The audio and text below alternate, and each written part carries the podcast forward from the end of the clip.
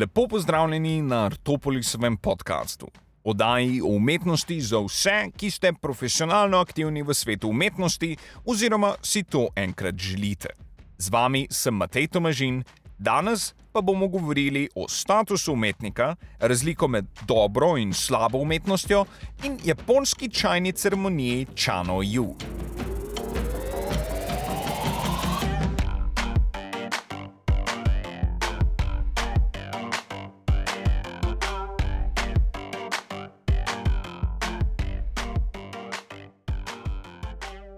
Kot uvod v današnje razmišljanje si bomo najprej ogledali razliko med dvema pojmoma: umetnikom oziroma umetnico in umetniško produkcijo.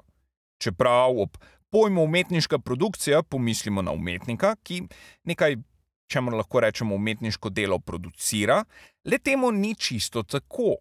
Umetniško produkcijo ustvarjajo tudi neumetniki. To postane očitno, če pogledamo na primer pojav iz 20. stoletja art brut oziroma outsider art. Termin art brut, ki ga je ustvaril slikar Jean de Buffet, je bil uporabljen za opis oblik umetniškega izražanja izven ustaljenih meril takratnega umetniškega sveta. V to področje naprimer vključujemo dela avtističnih in drugih posameznikov, ki so med svojim razvojem razvili mentalno neravnovesje. Podoben pojav odkrijemo tudi, če gremo dovolj nazaj v zgodovini človeškega razvoja, preko sprehoda v kakšnem naravoslovnem muzeju. Tam naletimo na artefakte, ki sicer nikoli niso nosili naziva umetniško delo, katerih izdelovalci niso bili umetniki, temveč obrtniki. Prav pri takšnih predmetih, kot so poslikane lončene posode, pogrebne maske in podobno, lahko opazimo spremembo statusa iz predmeta obrtne dejavnosti in njegov prestop v sfero umetniških predmetov, leta pa se zgodi večinoma zgolj v pogledu nazaj. Ta mehanizem je prisoten tudi pri evalvaciji sodobne umetnosti. Mnogokrat je tudi pri tej zgolj pogled nazaj zmožen le to definirati kot pravo umetnost, saj šele takrat povezave teh predmetov in njihovih posledic v svetu umetnosti iz predpostavk oziroma napovedi konkretizirajo in postanejo očitne.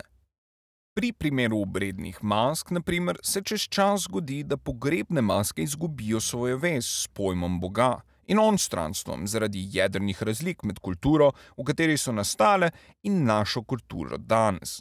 Artefakte še vedno lahko razumemo kot nekdanje pripomočke za obrede, vendar zaradi opustitve takšnih načinov interakcij s temi predmeti ne moremo videti v jedro dojemanja teh predmetov, kot so ga imeli ljudje včasih. Vidimo čiste mehanizme asociacije in abstraktnega razmišljanja. Ne vidimo recimo določenih simbolov kot znake za Boga ali katero koli idejo svetega, ampak kot formo, barvo, teksturo, kot lepo ali grdo, zanimivo ali dolgočasno. Pomislimo naprimer na fajumske portrete iz časa antičnega Egipta, ki so včasih služili prav določeni funkciji spremstva preminulih v onstranstvo, zdaj pa jih večinoma razumemo zgolj kot slikarska dela tistega časa. Če pa se vrnemo na prvi primer, ki smo ga predstavili v obliki outsider artistov, ne umetnikov, ki le to nekako vseeno niso, se pojavi vprašanje ločnice med pravim umetnikom in nekom, ki to ni. Za začetek si poglejmo vez med umetnostjo in obrtjo. Ta nam bo namreč služila kot podlaga za nadaljno raziskavo statusa umetnika oziroma umetnice. Razlage za pomembnost povezanosti umetnosti in obrti je možno najti že samo v etimološki raziskavi ali celo zgolj slovarski definiciji besede umetnost. Umetnost je dejavnost, katere namen je ustvarjanje oziroma oblikovanje del estetske vrednosti. Obenem pa je jedro besede umetno, se pravi nekaj, kar je bilo narejeno ali nastalo kot rezultat človekovega dela, ne narave same. Vsekakor pa so tu še drugi, mogoče bolj aktualni razlogi, kot so prej omenjen pojav hobi umetnikov in evalvacija umetnika preko njegovih obrtnih oziroma rokodelskih sposobnosti in vsa vprašanja splošne javnosti glede njihove evalvacije sodobne umetniške prakse, ki v močnem številu zapostavlja rokodelski vidik umetnosti. Recimo pomislimo na dela, ki se sklicuje na obdobje in dognanje konceptualizma 60-ih let 20. stoletja. Za začetek je vsekakor pomembno, da se razlikovanja med umetnostjo in obrtjo lotimo kronološko. Se pravi, nekako razmislimo o tem, kaj je bilo prej in predvsem zakaj. Mnogo pred kreacijo prvega umetniškega ali verskega predmeta je za nastanek takšnih predmetov namreč bila potrebna dobro razvita obrtna oziroma rokodelska dejavnost. Ne samo, ker bi za produkcijo umetniških predmetov seveda potrebovali enaka urodja in infrastrukturo kot za produkcijo pohištva, temveč ker se potrebe po umetniških predmetih in verskih predmetih ne bi pojavile, preden ne bi naši predniki zadovoljili bolj bazičnih potreb, recimo po hrani, pijači, zavetju in tako dalje. Tako je jasno, da obrt in rokodelstvo prednjačita kot pojava v razvoju družbe. In dokler se družba ne ustali, vsaj do točke nekakšne osnovne oblike organiziranosti, se kolektivna umetniška produkcija nikakor ne more pojaviti. Jasno pa je tudi, da umetnosti ni brez gledalca. In treba je razumeti prehod iz družbe brez umetnosti in verskih predmetov v družbo z vsemi temi predmeti in obredi.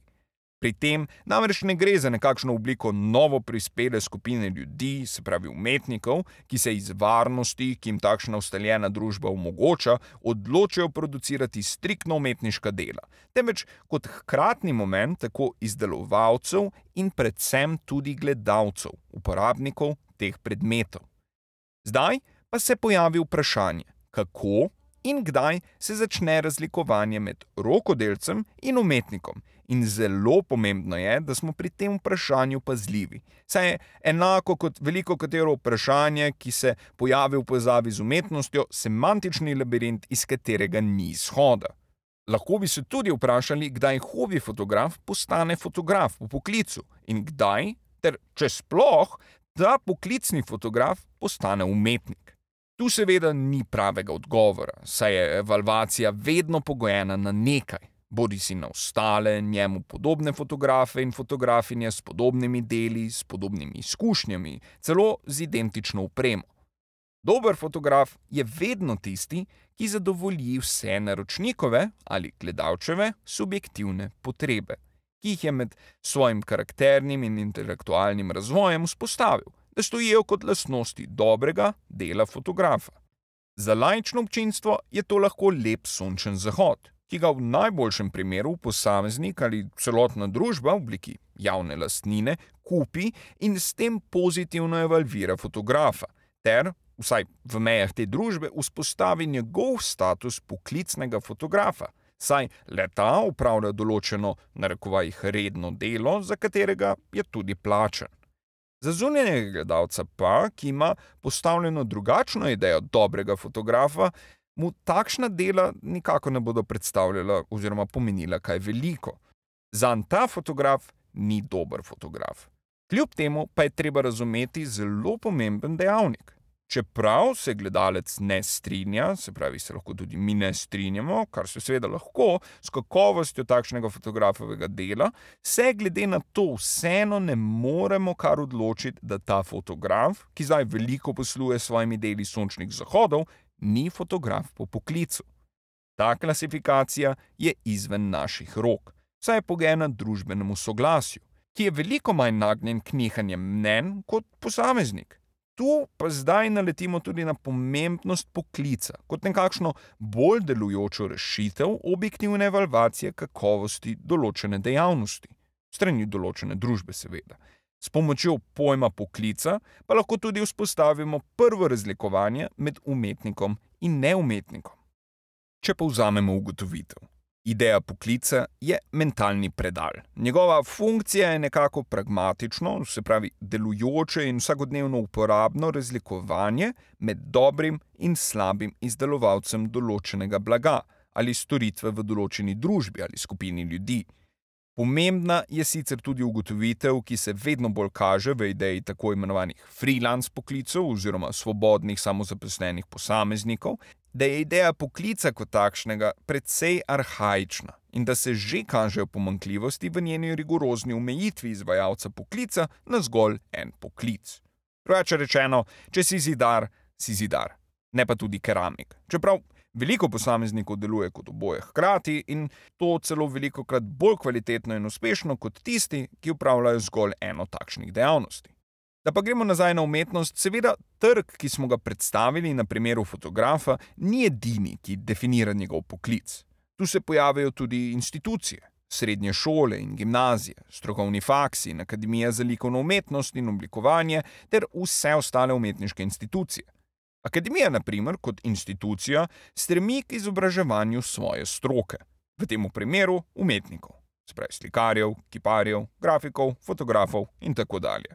Njen cilj je upravljanje selekcije med vsemi posamezniki družbe, ki si želijo upravljati poklic umetnika in to peščico ljudi izobraziti do točke, ko je njihovo znanje v področju zadostno, da lahko suvereno in samostojno začnejo upravljati svoj poklic.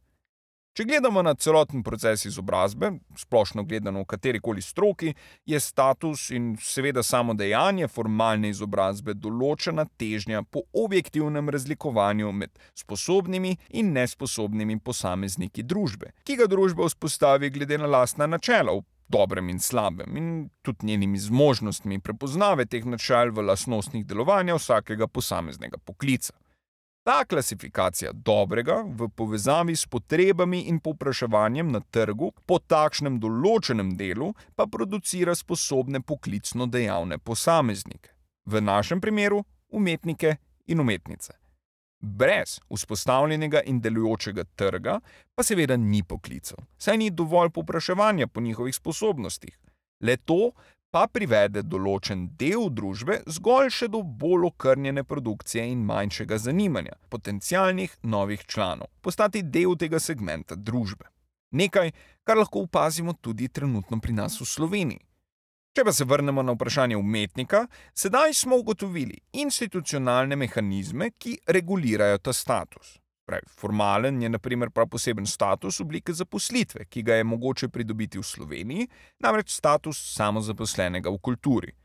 Vendar, hitro postane jasno. Čeprav poznamo mehanizme, vprašanje o razlikovanju med umetnikom in neumetnikom ni nič lažje odgovorljivo. Lahko pa iz njega izpeljemo vprašanje. Če razumemo, da je gledalec tisti, ki definira umetnost in s tem umetnika, In če je, kot je trenutno pri nas, gledalcev in s tem v bistvu tudi potrošnikov umetnosti precej malo, oziroma so leti večinoma del lastne stroke, je v teh okoliščinah tudi otežena klasifikacija poklica umetnika. Drugače rečeno, v puščavi Atekama, kjer skoraj nikoli ne dežuje, je sicer mogoče razumeti definicijo poklica izdelovalca dežnikov, vendar je potreba po tej klasifikaciji takšnega poklica tam popolnoma nepomembna. Razen, seveda, za vse prebivalce te puščave, ki se ukvarjajo z izdelavo dežnikov, čeprav jasno, verjetno zgolj ljubiteljsko. V ženi dopolniti načine, s katerimi je ocenjena kakovost umetniške produkcije in umetnika samega, pa zdaj poglejmo novo urodje, s katerim gledalec ocenjuje, kot tudi umetnik sam udejstvuje, umetniškost, status umetnika. V to področje seveda štejeta tudi že prej razdeljena dejavnika izobrazbe in sposobnosti trga, da sprejme umetnika in njegov poklic, ter v njemu vidi določeno družbeno koristno vrednost. Status umetnika je med drugimi tisti, ki spreminja vrednote njegove produkcije. Ustaljen umetnik oziroma umetnica, katerega dela visijo v galerijah in se prodajajo na trgu, naprimer, ceno letih konstantno prilagajajo potrebam trga. Večinoma cena raste, vsaj v primerjavi s ceno, s katero so prvič pristopili na trg. V določenih primerjih pa se spreminja tudi evalvacija fluidnosti pojma produkcije same. Primeri za to so produkcijske hiše Jeffa Kunsa, Iveyveja, Damiena Hirsta in podobno. Ti umetniki namreč svojih del ne producirajo več sami. To seveda ni nič novega, saj je že Andy Warhol imel svoj factory v 60-ih letih 20. stoletja, predtem pa najdemo slično idejo v Rembrandtovi delavnici, katere dela so producirali on in njegovi vajenci.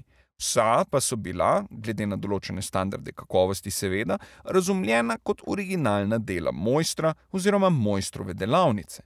V kontekstu vprašanja avtorstva takrat bolj kot neenakovredna pojma. Tako sprva pomislimo na vprašanje cene dela in njegovo povezavo z uspešnostjo umetnika. Vprašanje cene določenega blaga, tu seveda umetnost ni prav nobena izjema, diktirata popraševanje in ponudba na trgu. Primer za razumevanje teh mehanizmov pa nam nudi zgodba o slavnem japonskem preprodajalcu starin Fushojimi iz Eda, opisani v knjigi Shano Yu Arturja Sadlerja. V njej Fushijima, zgolj zaradi svojega visokega statusa vrhunskega preprodajalca starin in kuriozitet, v nekem obrtniku in manjšem, narekovaju, hobi preprodajalcu vzbudi gorečo željo po lastništvu in prodaji določene skodelice ki se jo je zaradi popolnoma banalnih razlogov Fushijima ogledoval in kupil. Zanimiv mu je namreč bil način, kako se je v trenutku pitja iz te skodelice okoli nje gibala para čaja.